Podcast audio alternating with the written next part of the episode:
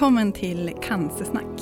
Eh, jag heter Lotta och med mig idag har jag inte Emma.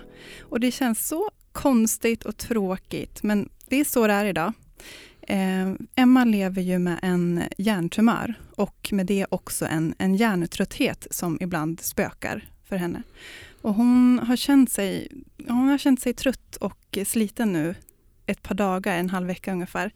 Så att hon kände att hon orkar inte idag. Hon var tvungen att vara hemma. Så att eh, det är så det är idag helt enkelt. Och eh, ja, jag är här själv.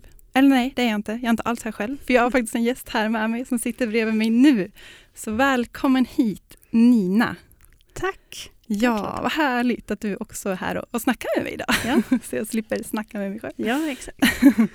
Eh, men du, jag har ju läst eh, in mig lite på dig genom din blogg och sådär innan och vi har snackat lite innan och sådär. Ja. Men lyssnarna vet ju inte riktigt vem är du? Eh, vill du bara berätta lite kort om, Mm. om vem du är?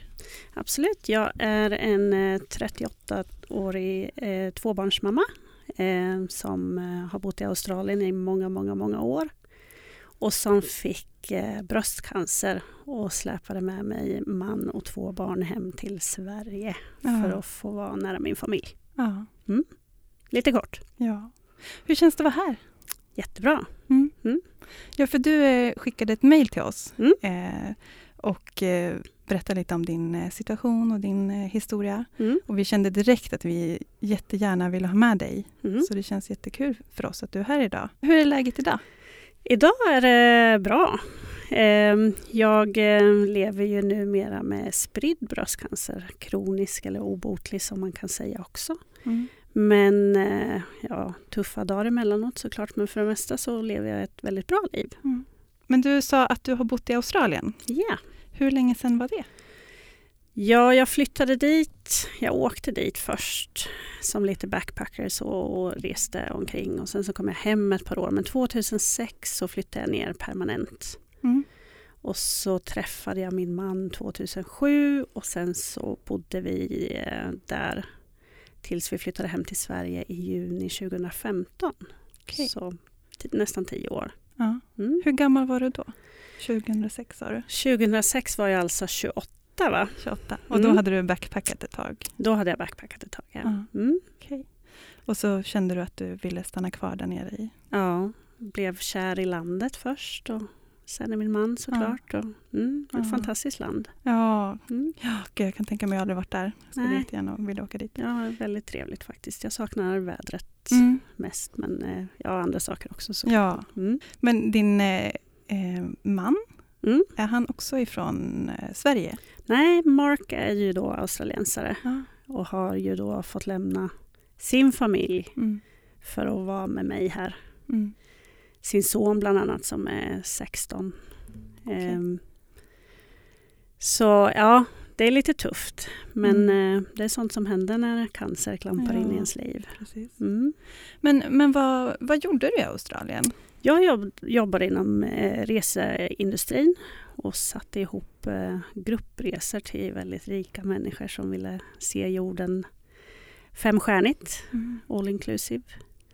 Eh, så där gjorde jag i många år, trivdes jättebra med det. Jag, jag gillar ju att resa själv så att få, få smitta av sig av den resebasillen Mm. till andra tycker jag är fantastiskt. Ja, men det Mm. förstår jag. Mm. Eh, men eh, hur träffades du och din man? Vi träffades, jag jobbar ju då på ett internetcafé och det här var uppe i Cairns som ligger i norra Australien uppe vid barriärrevet. Och där hade även han bott ett par år tidigare. Så han var där och hälsade på kompisar som jag då bodde i samma hus som. Och sen så träffades vi så och så körde vi distansförhållande ett par månader och Mm. Det är ju ungefär som att bo här och dejta någon i Italien. Det funkar ju Aha. inte riktigt i längden, det är ju väldigt stora avstånd. Ja. Så vi hade väl varit ihop något halvår när jag bestämde mig för att flytta ner till honom. Så då flyttade jag ner till Newcastle och så började jag studera där.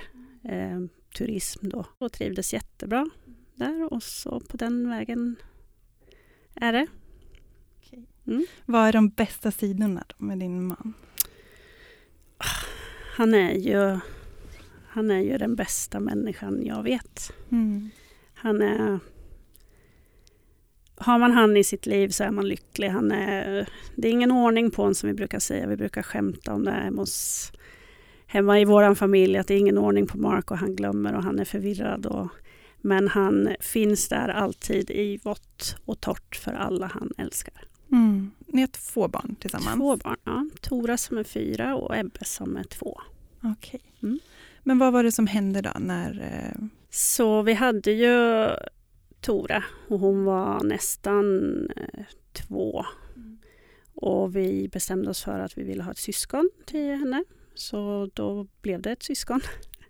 Och sen så fick jag väldigt ont i mina bröst under den graviditeten, ungefär halvvägs igenom. För det var under graviditeten? Under graviditeten, ja. Så fruktansvärd smärta så jag kunde inte duscha ordentligt för jag, strålarna på brösten gjorde så ont. Och eh, jag vaknade, om jag råkade röra mig i sömnen så vaknade jag för att det gjorde så ont om brösten liksom flyttade på sig. Och då gick jag till en läkare som inte gjorde någonting, som bara sa men det är din bh som är för tajt och du får ha sporttopp istället. Mm. Och då kände jag det här stämmer ju inte, jag har ju inte kunnat haft någon bh. Så då valde jag att ignorera henne och så gick jag till en annan läkare istället dagen efter redan. Mm. Som eh, inte visste men som självklart det här är ju jättekonstigt att det gör så här ont. Och då misstänkte de först eh, mjölkstockning. Så då fick jag åka på ultraljud för att de skulle kolla eh, vad det var. Och det här var en fredag eftermiddag. Fick jag åka på ultraljud och kolla och de skrev ut penicillin för de kunde inte se. Men de såg någonting inne i bröstet som de ville ta biopsi på. Och så fick jag en tid för biopsi eh, redan på måndag morgonen. Och hade en helt hemsk helg när massor med tankar rör sig i, i huvudet. Men på måndag morgonen i alla fall fick jag åka in på en grovnålsbiopsi och ta ut prov från den här, vad de nu såg i mitt bröst. Och sen så hade jag eh, tid hos en eh, kirurg Mm. redan samma eftermiddag. För det går lite fortare i Australien att få provsvar än vad det Mm. gör här. Och då så fick jag reda på den måndag eftermiddagen att jag hade cancer. Mm. Och det var, en, var det en förändring i det en- ena bröstet? Nej, det var åtta tumörer som jag hade i det bröstet. Mm. Varav den största var, jag för mig att den var, jag kommer inte ihåg riktigt nu, men ungefär fem centimeter. Mm. Och det var så konstigt för jag hade ju så ont i bägge mina bröst men det var ju bara cancer i det ena. Mm. Men eh, det var ju en eh, reaktion så som kroppen tydligen kan få att den vill varna att någonting inte står rätt till. Så att, eh, Mm. Det var som en inflammation i bägge brösten av att jag hade cancer i det ena. Okej. Och då var jag 19 veckors gravid med Mm. våran Ebbe. Mm. Men eh, du sa att du, du hade ont i brösten. Mm.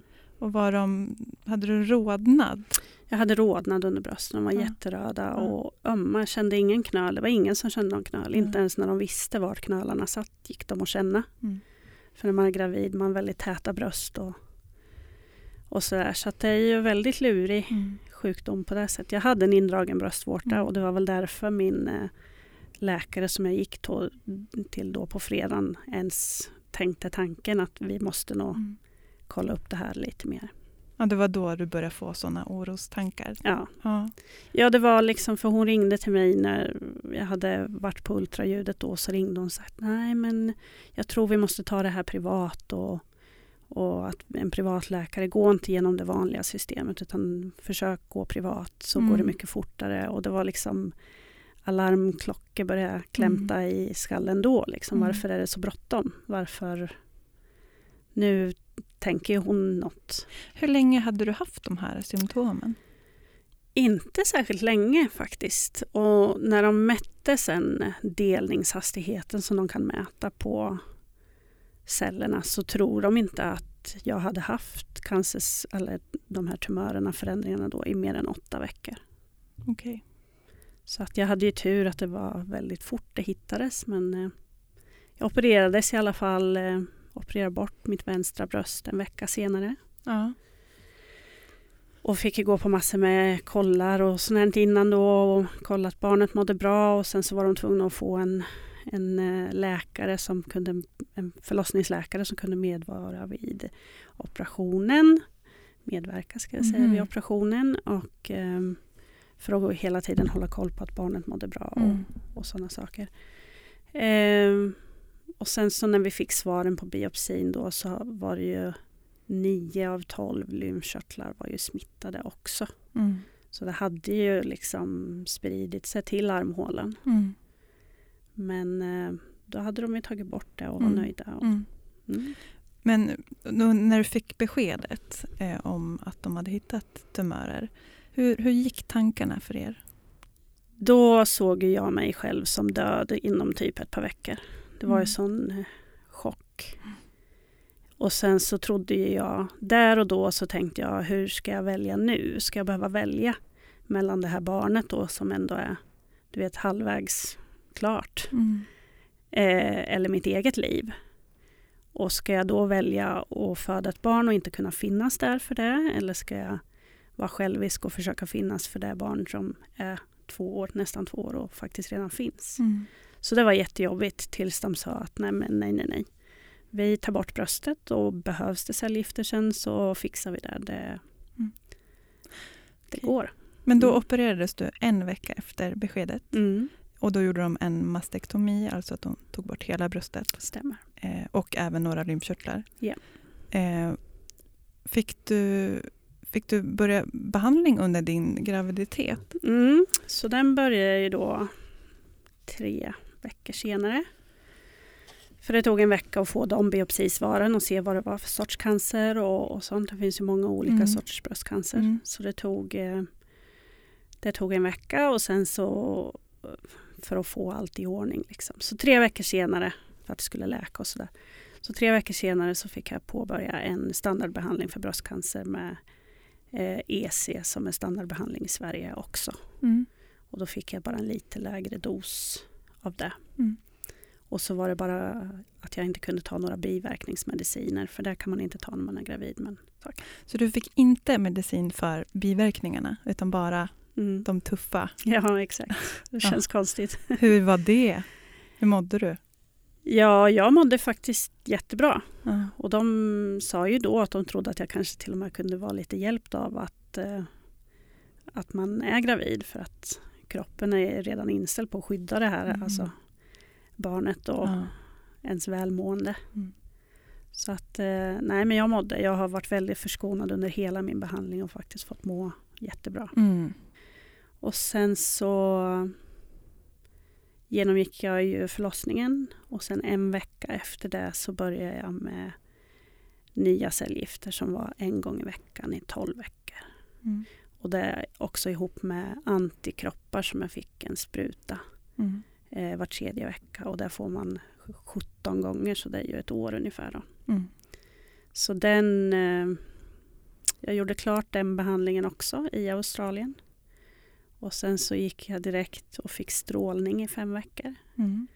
Och sen avslutade jag min strålning på en fredag och vi flyttade till Sverige redan måndagen efter för ja. då längtade jag hem. Ja. Liksom. Men eh, beslutet att ni skulle flytta hem till Sverige, kom det i och med cancerbeskedet? Ja, vi hade pratat om det länge innan för jag fick väldigt hemlängtan när jag fick mina barn mm. och ville hem till familj och, och sådär. Men eftersom Mark då har en son som så hade vi alltid, vi sa alltid att ja, men när han blir 16 då, då kan vi flytta för då är han ändå så pass stor att han kan komma och gå lite som han vill. Och, ja. Så vi hade alltid pratat om att komma hit mm.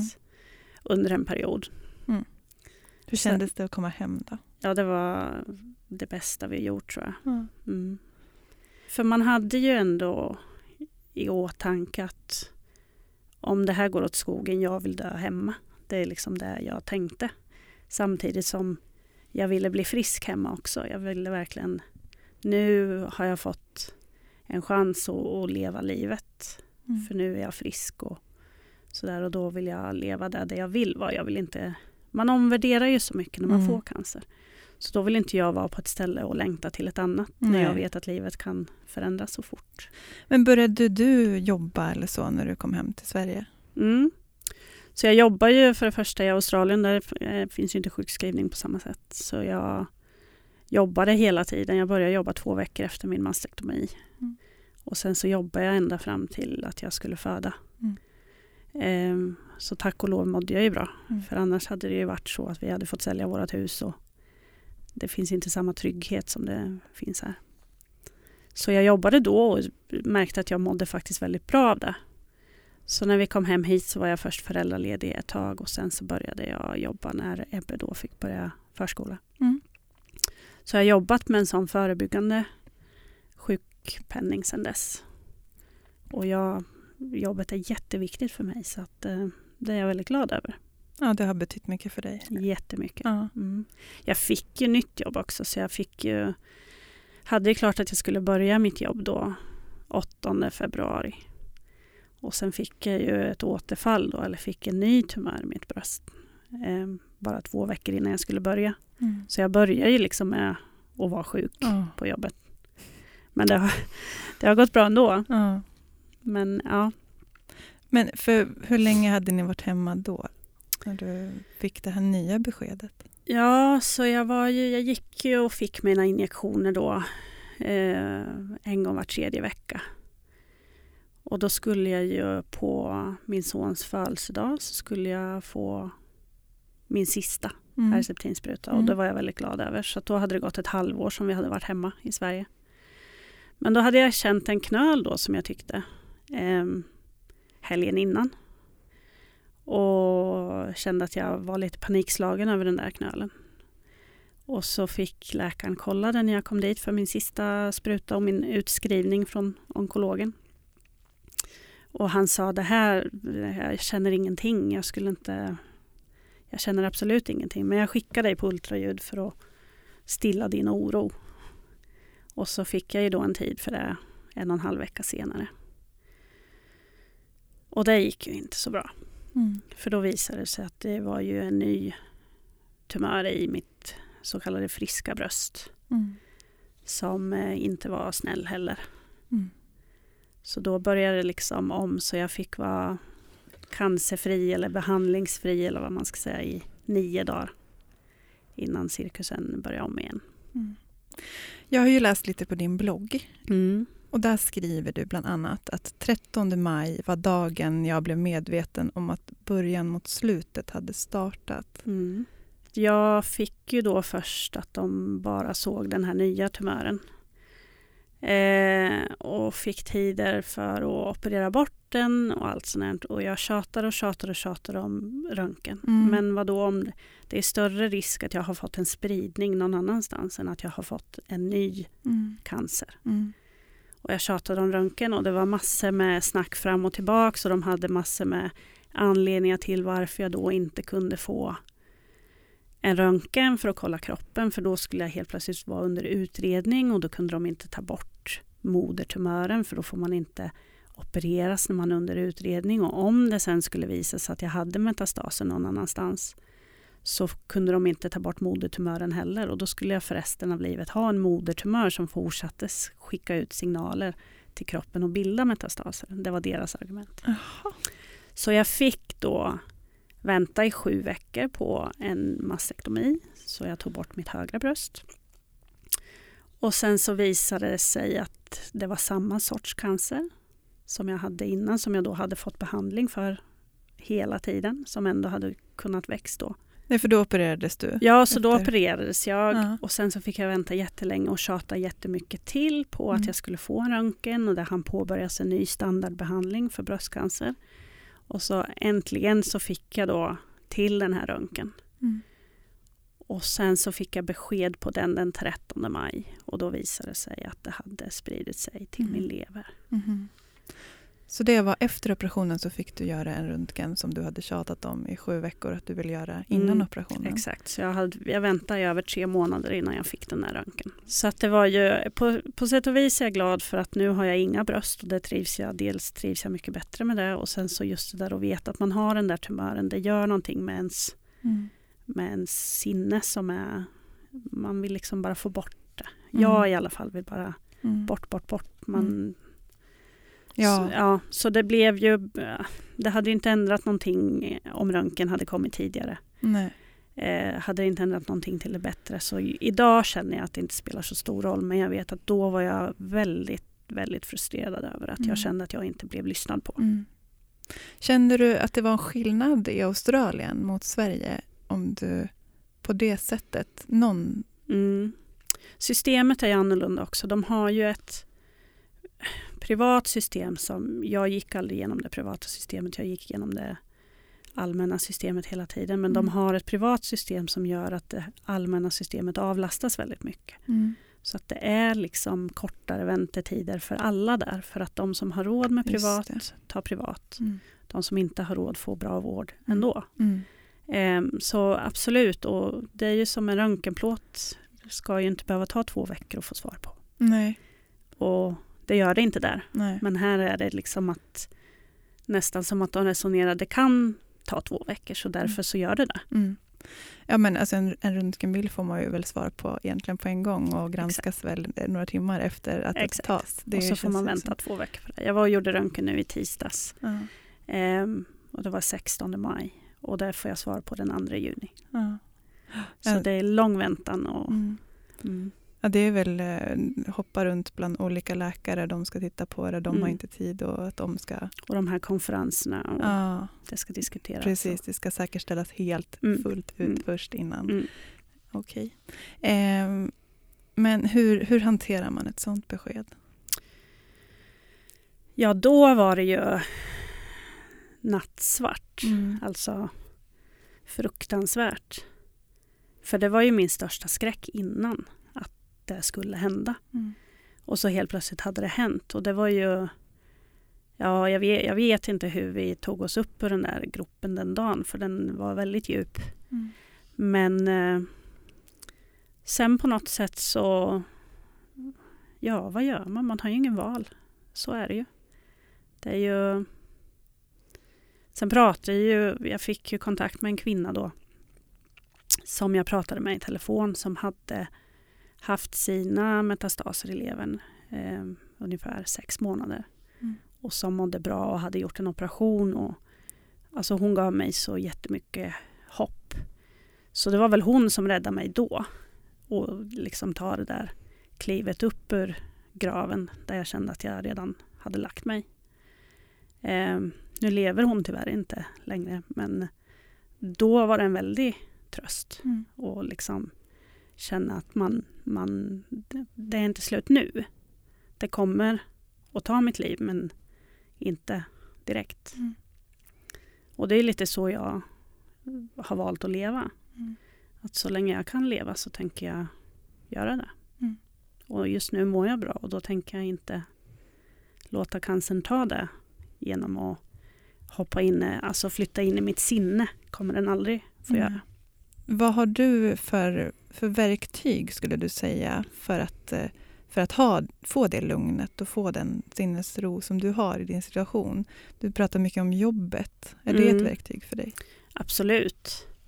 Eh, för som sagt, eh, allt normalt skulle Mm. jag vilja säga. Allt som liksom är att man får vara med och göra de här vanliga grejerna. Jag älskar ju det här lilla i vardagen. Jag behöver inte ha stort och, och flärd liksom. Utan Mm. det är det lilla jag älskar. Just det här att, att få sitta och bygga pussel med mina barn. Eller, Mm. eller gå och sitta och ta ett glas vin med min syster. Eller ja, men du vet, gå och åka till Willys och handla med mamma. Allt Mm. det där lilla finner jag styrka i att man, att man kan det. Mm. Och sen så har jag ju, alltså jag är ju medveten om att jag har en väldigt tur som får må så bra. Det är ju många som inte får det. Och då, alltså det är ju, självklart så kan ju inte alla jobba. Det är inte, så funkar det inte här i livet. Men, men mig som har kunnat jobba har det ju hjälpt otroligt mycket. Mm. Och, och som sagt alla de här små grejerna. Att man kan åka på semester. Eller jag sprang vårhuset i måndags. Så Mm. jag är jättestolt över det. Mm. Liksom. En vecka innan så fick jag cellgifter som egentligen bryter ner kroppen Mm. något brutalt. Ja. Men att jag liksom ändå få må så pass bra att jag kan göra alla de här sakerna. Mm. Ja men det låter grymt. Eh, det är fantastiskt att man, att man... Skulle du säga att du, att du liksom känner mer nu för de små sakerna? Alltså Mm. du, att du värdesätter det vardagliga mer nu? Man blir ju såklart ingen annan människa bara för att man får cancer men skulle du säga att du, att du uppskattar det mer och liksom Mm, absolut. har en större njutning i det? Ja, det tror jag absolut. Och, och sen alltså, jag tror ju att man på något sätt, man, jag tror man blir en bättre människa. Mm. Man, man, man vill vara bra. Jag vill ju bli ihågkommen som någon som är bra och inte någon som är taskig och. Sådana saker. Det är ju liksom vad jag vill. Jag skapar ju nu vad jag lämnar efter mig. Mm. Och det tror jag är jätteviktigt att man... eh, Visst, jag kan ju lägga mig ner och känna att nu ska jag ligga här och tycka synd om mig själv. Mm. Och det är det mina anhöriga kommer Mm. komma ihåg. Mm. Eller så kan man göra vad man faktiskt kan. Och kan man inte så är det också helt okej. Men kan man så tycker jag att man får liksom skaka av sig offerkoftan på något sätt. Det är klart man får sätta på sig den och tycka väldigt, väldigt, väldigt synd om sig själv. För det är väldigt synd om, om alla drabbade av alla möjliga konstiga sjukdomar. Men jag är inte cancer och för mig är det jätteviktigt att det ska vara så.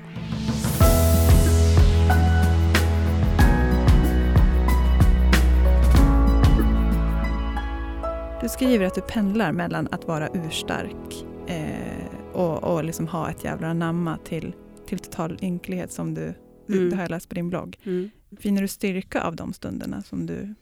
Ibland. Eh, och ibland blir jag liksom bara arg att jag låter mig själv gå dit. Mm. För jag... Det är ju så att även fast jag är dödligt sjuk så alltså jag är inte där än. Jag har ju inte blivit så dålig. Och då blir det så där ibland när jag tänker, när jag paniktänker över döden eller vad det nu må vara så blir jag nästan arg på mig själv för att jag gör det. Mm. För att jag är inte där än. Men samtidigt så vore det ju omänskligt att inte göra det. Så ibland så känner jag mig starkare när jag reser mig från det där och ibland så känner jag att det kanske tog lite för mycket energi och blir sådär ledsen Mm. eller ynklig Mm. som man faktiskt är ibland. Men det är oftast liksom när, det, när man tänker på vad man inte kommer få vara med om. Och när man tänker hur det ska liksom gå för de som får vara kvar. För när jag försvinner så försvinner ju mitt onda. Men deras onda börjar ju då på riktigt. Mm. Och det är ju tufft att, Mm. veta att det är det man lämnar efter sig liksom, Mm. till att börja med. Mm. Dina, dina barn och så, hur, Mm. har, ni, har ni pratat med dem?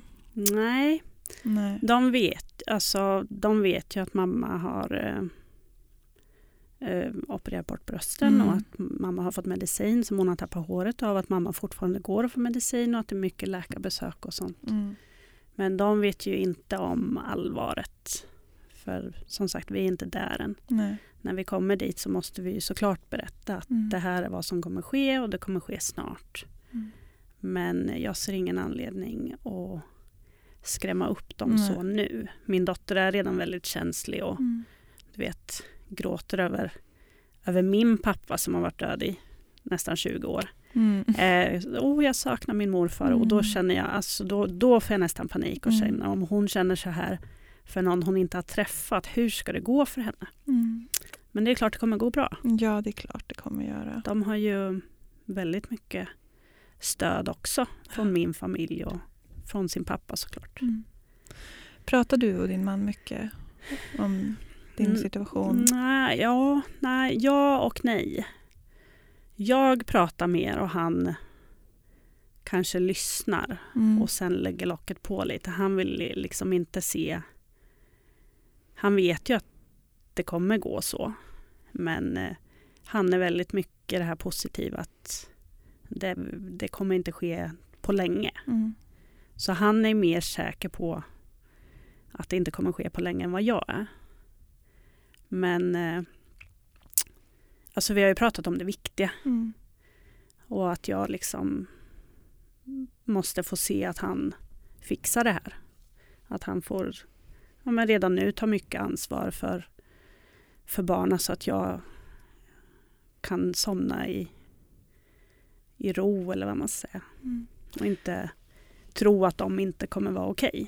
För det vore ju hemskt att behöva lämna och känna så. Ja.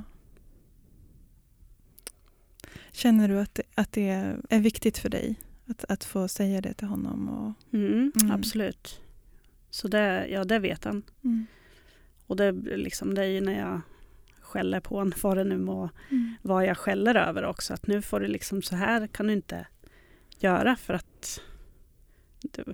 Och det är ju alltså jag, vi har ju, vi jobbar heltid bägge två och han börjar tidigare än mig så jag sköter ju dagislämningar och så Mm. varje dag. Mm. Jag vet att det är jättetufft att få iväg barnen till dagis varje morgon. Mm.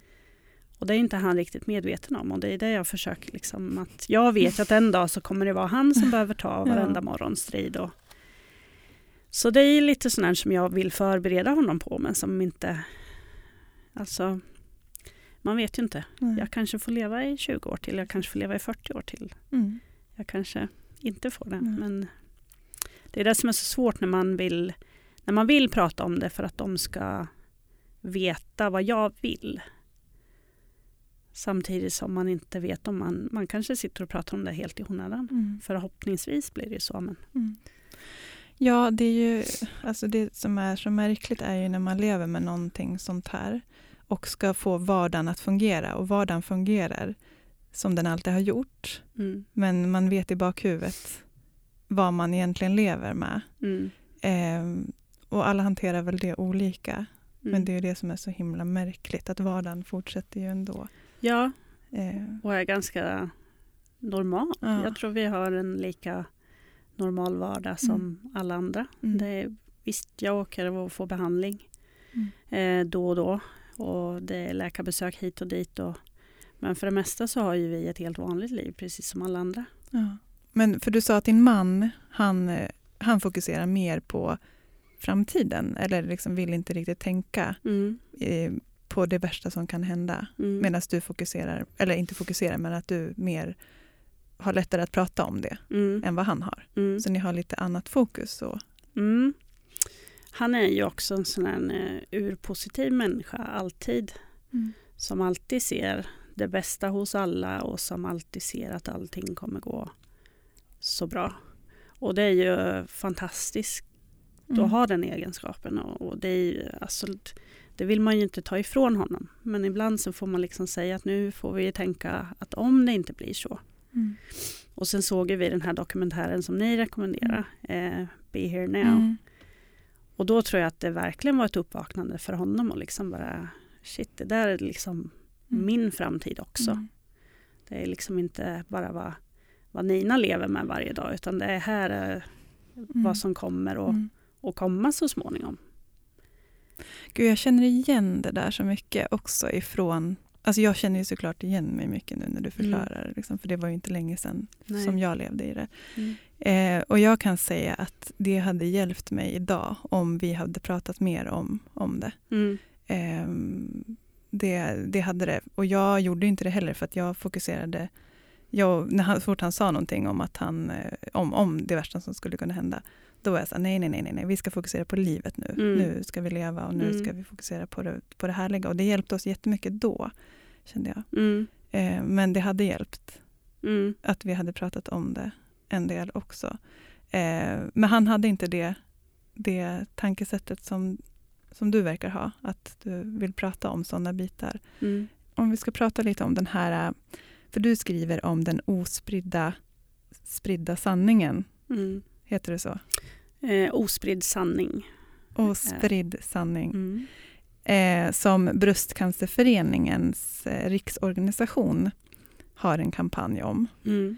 Jag, kan, jag, jag läser lite som du har skrivit på din blogg. Då har Mm. du skrivit så här. Om verkligheten bakom de där rosa, fluffiga lyckohistorierna om alla som överlever bröstcancer. Om att det är alldeles för många som inte gör det. Bara en av fyra med spridd bröstcancer lever efter fem år. För de som lever med spridning till levern lever bara 11 procent efter två år. Och där skriver du då att, att ditt mission eh, eller att du har en mission där, att, den verkligen måste fram. Mm. Vill du berätta lite om din mission?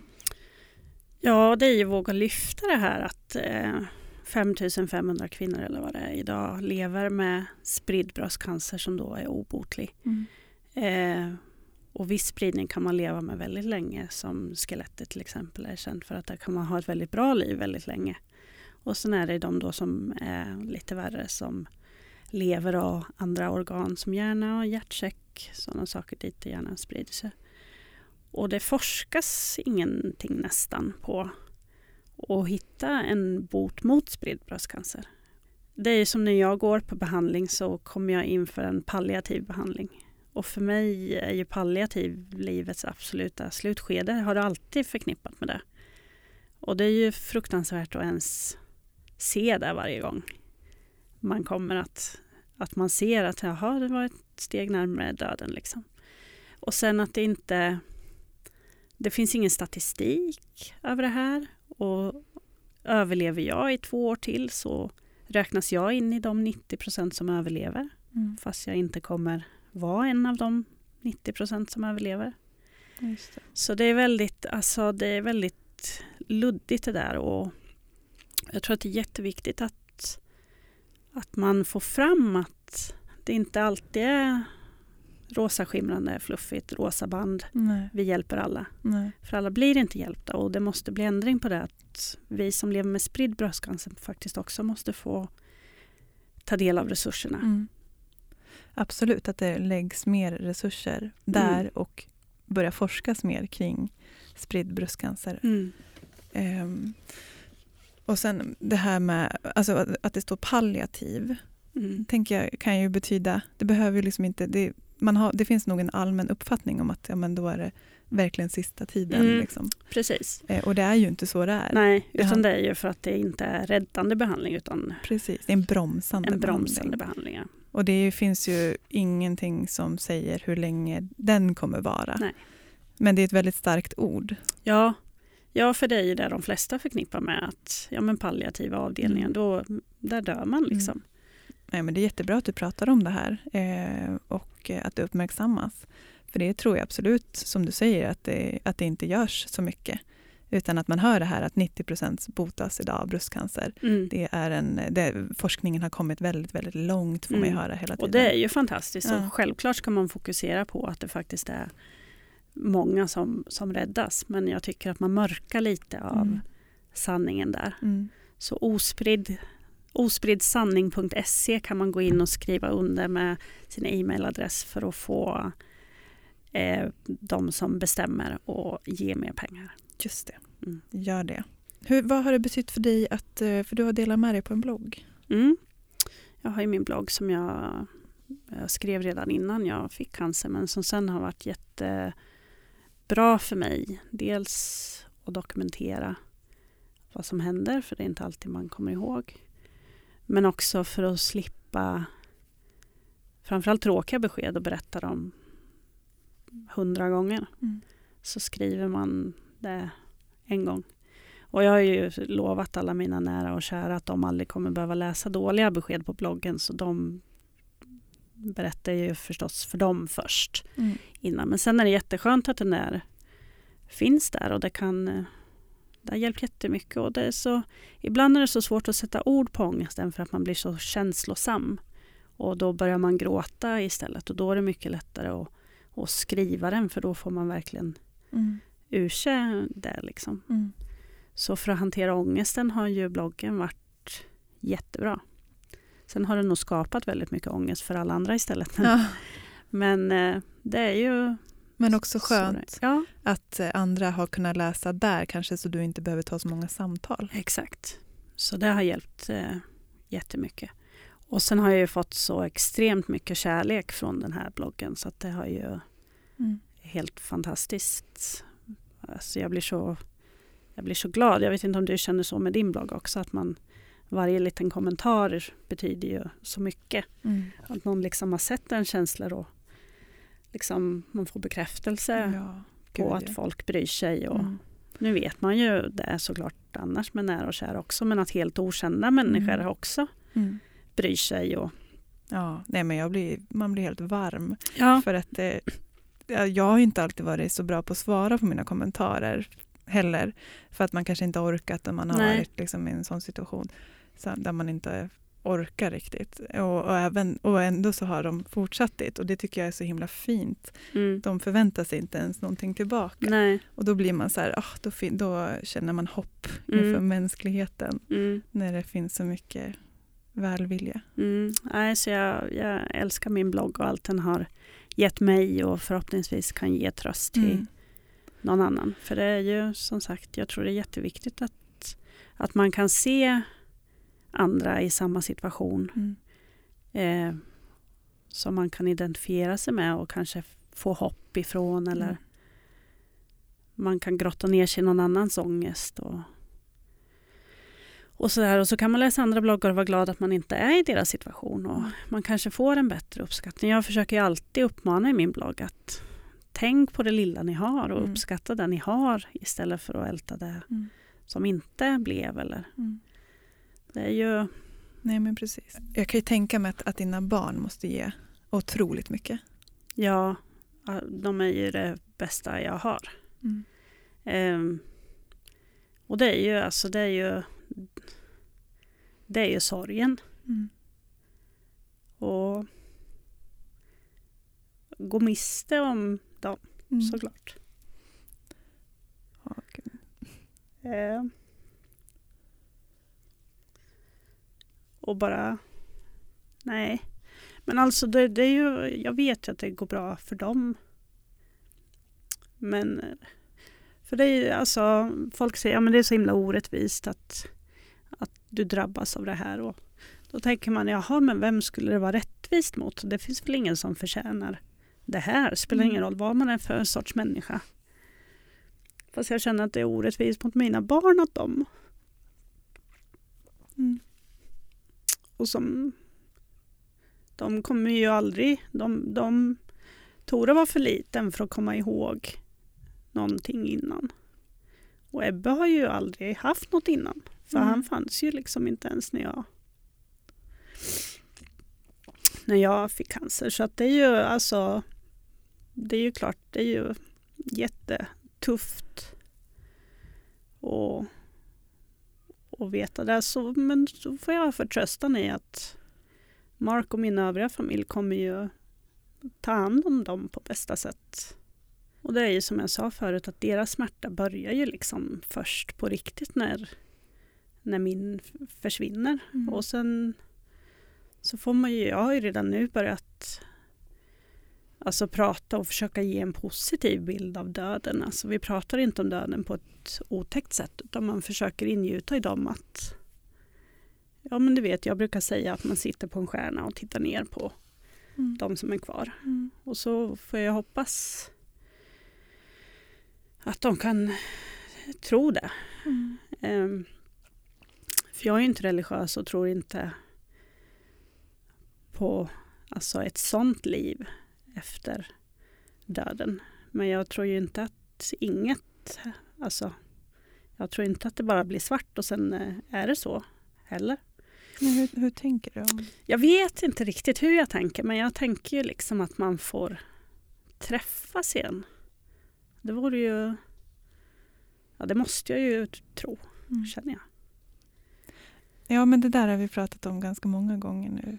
Eh, och att liksom, man får ju faktiskt välja som man vill, hur man Mm. vill tänka, för det är ingen som vet. Nej exakt och det är ingen som kan säga att man har fel. Men alltså jag älskar ju Nangiala, det låter väl fantastiskt. Ja. Liksom. Men, eh, ja, men just att, att de har, kan ha en, alltså känna att även fast jag inte fysiskt är där att jag alltid kommer finnas för dem. Mm. Hur de än väljer att jag ska finnas Mm. där. Jag pratade med en präst en gång Mm. som sa att hon såg andra sidan som ett annat land. Mm. Men det finns ingen kommunikation emellan de här två länderna. Mm. Eh, så man kan inte ringa varann. Men ibland så kommer signaler fram ändå. Eh, så man får kommunikation. Men det kanske inte händer så ofta. För kommunikationen är väldigt dålig. Mm. Men man är i två olika länder. Eh, och når varandra ibland. Mm. Och det tycker jag var så fint. Ja, det tycker jag också är fint. Jag tycker det är så, lite, så har jag valt att tänka på den andra sidan, att den, den finns någonstans där. Ja. Hur, hur tar din omgivning er situation, vänner och släkt? Eh, jättebra. F- Jo, nej de tar det väl inte så bra men de är, de är ju fantastiska.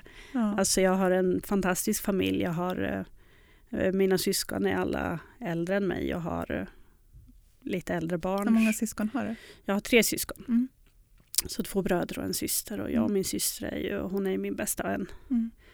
Eh, hon är 13 år äldre än mig så att egentligen är det ju mindre åldersskillnad mellan min systerdotter och mig än vad det är mellan min syster och mig. Mm. Men, eh, ja, men det känns så himla skönt. Eh, för att mina barn har så väldigt många vuxna förebilder i sitt liv. Mm. Så mina syskon och mina syskonbarn som också, alla utom två, är, är vuxna idag. Och sen så har de ju såklart Mark och sen på andra sidan så finns ju Marks föräldrar och sen har de ju storebror. Då. Mm. De har jättemycket stöd och, och mina vänner är också helt fantastiska. Ibland är det svårt att hinna träffas men eh, när vi väl gör det så är det som att cancer liksom inte finns. Mm.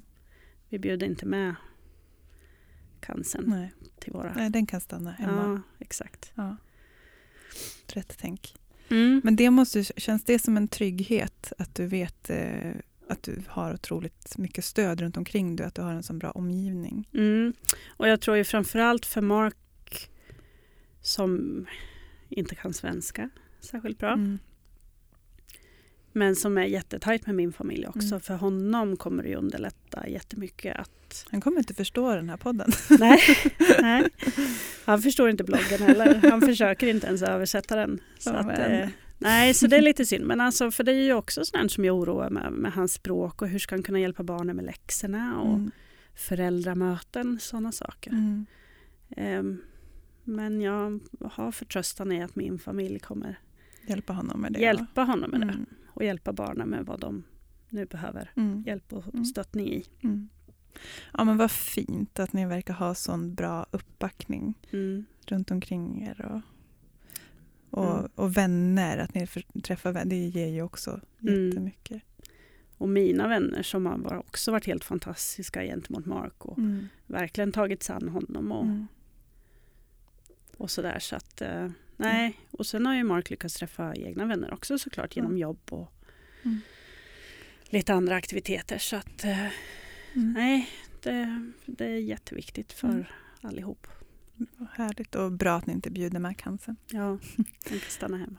Ja. Men hur, hur ser annars sommarplanerna ut? Sommarplanerna är hektiska. Jag har ett antal eh, musikkonserter jag ska Mm. få äran att gå på som ska bli fantastiskt kul. Ja. Ehm, sen får vi ju besök från Australien i två veckor. Det ska Mm. också bli jättekul. Är det någon eh, nära vän därifrån? Nej, det är Marks son och hans Ja, föräldrar som kommer. okej. Så att, eh, det blir jättekul i Ja. två veckor. Så har vi planer på att åka upp och eh, hajka Kebnekaise. Jag kanske sitter i fjällstugan och dricker vin istället. Mm. Men Mark ska klättra i alla fall ihop med min eh, syster, eh, brorsdotter och hennes sambo. Hoppas vi får till en resa upp dit och ja, lite smått och gott. Vi har sagt att vi ska investera i ett ordentligt tält och åka och Mm. massor. Njuta av den svenska Ja. naturen i sin enkelhet. Inget flashigt utan Nej. bara det lilla som sagt. Jag vill, Alltså det låter som en fantastisk sommar. ja, det ska Jag bli blir kul. helt varm Mm. när du berättar om det här. Så det ska bli kul. Och sen köpte vi en liten kolonilott i slutet på förra året också. Så där kommer vi hänga Åh. mycket. Och, Det är ju så, sån terapi, att gå Ja. och påta i en trädgård. ja, verkligen. och- Ja, och den är tillräckligt stor för att sova i. Så Mm. att eh, vi åker dit och det är cykelavstånd hemifrån. Mm. Så jag och barnen kan vara där hur mycket som helst. Ja. Gud vad härligt. Mm. Jag tycker det strålar om dig. Ja, tack. Jag kan inte förstå hur, hur din kropp kan se ut som den gör inuti Nej, faktiskt. nej. Nej. Ju dumheter det där med cancer. Ja. Mm. Men eh, verkligen, verkligen tusen tack för att du kom och orkade dela med dig. Och jag tror att det här nog blev det mest känsliga avsnittet hittills. Eh, jättefint och modigt och starkt av dig. Verkligen, jag är så imponerad att du, att du delar med dig som du gör. Tack Lotta. Tack Tack. så jättemycket.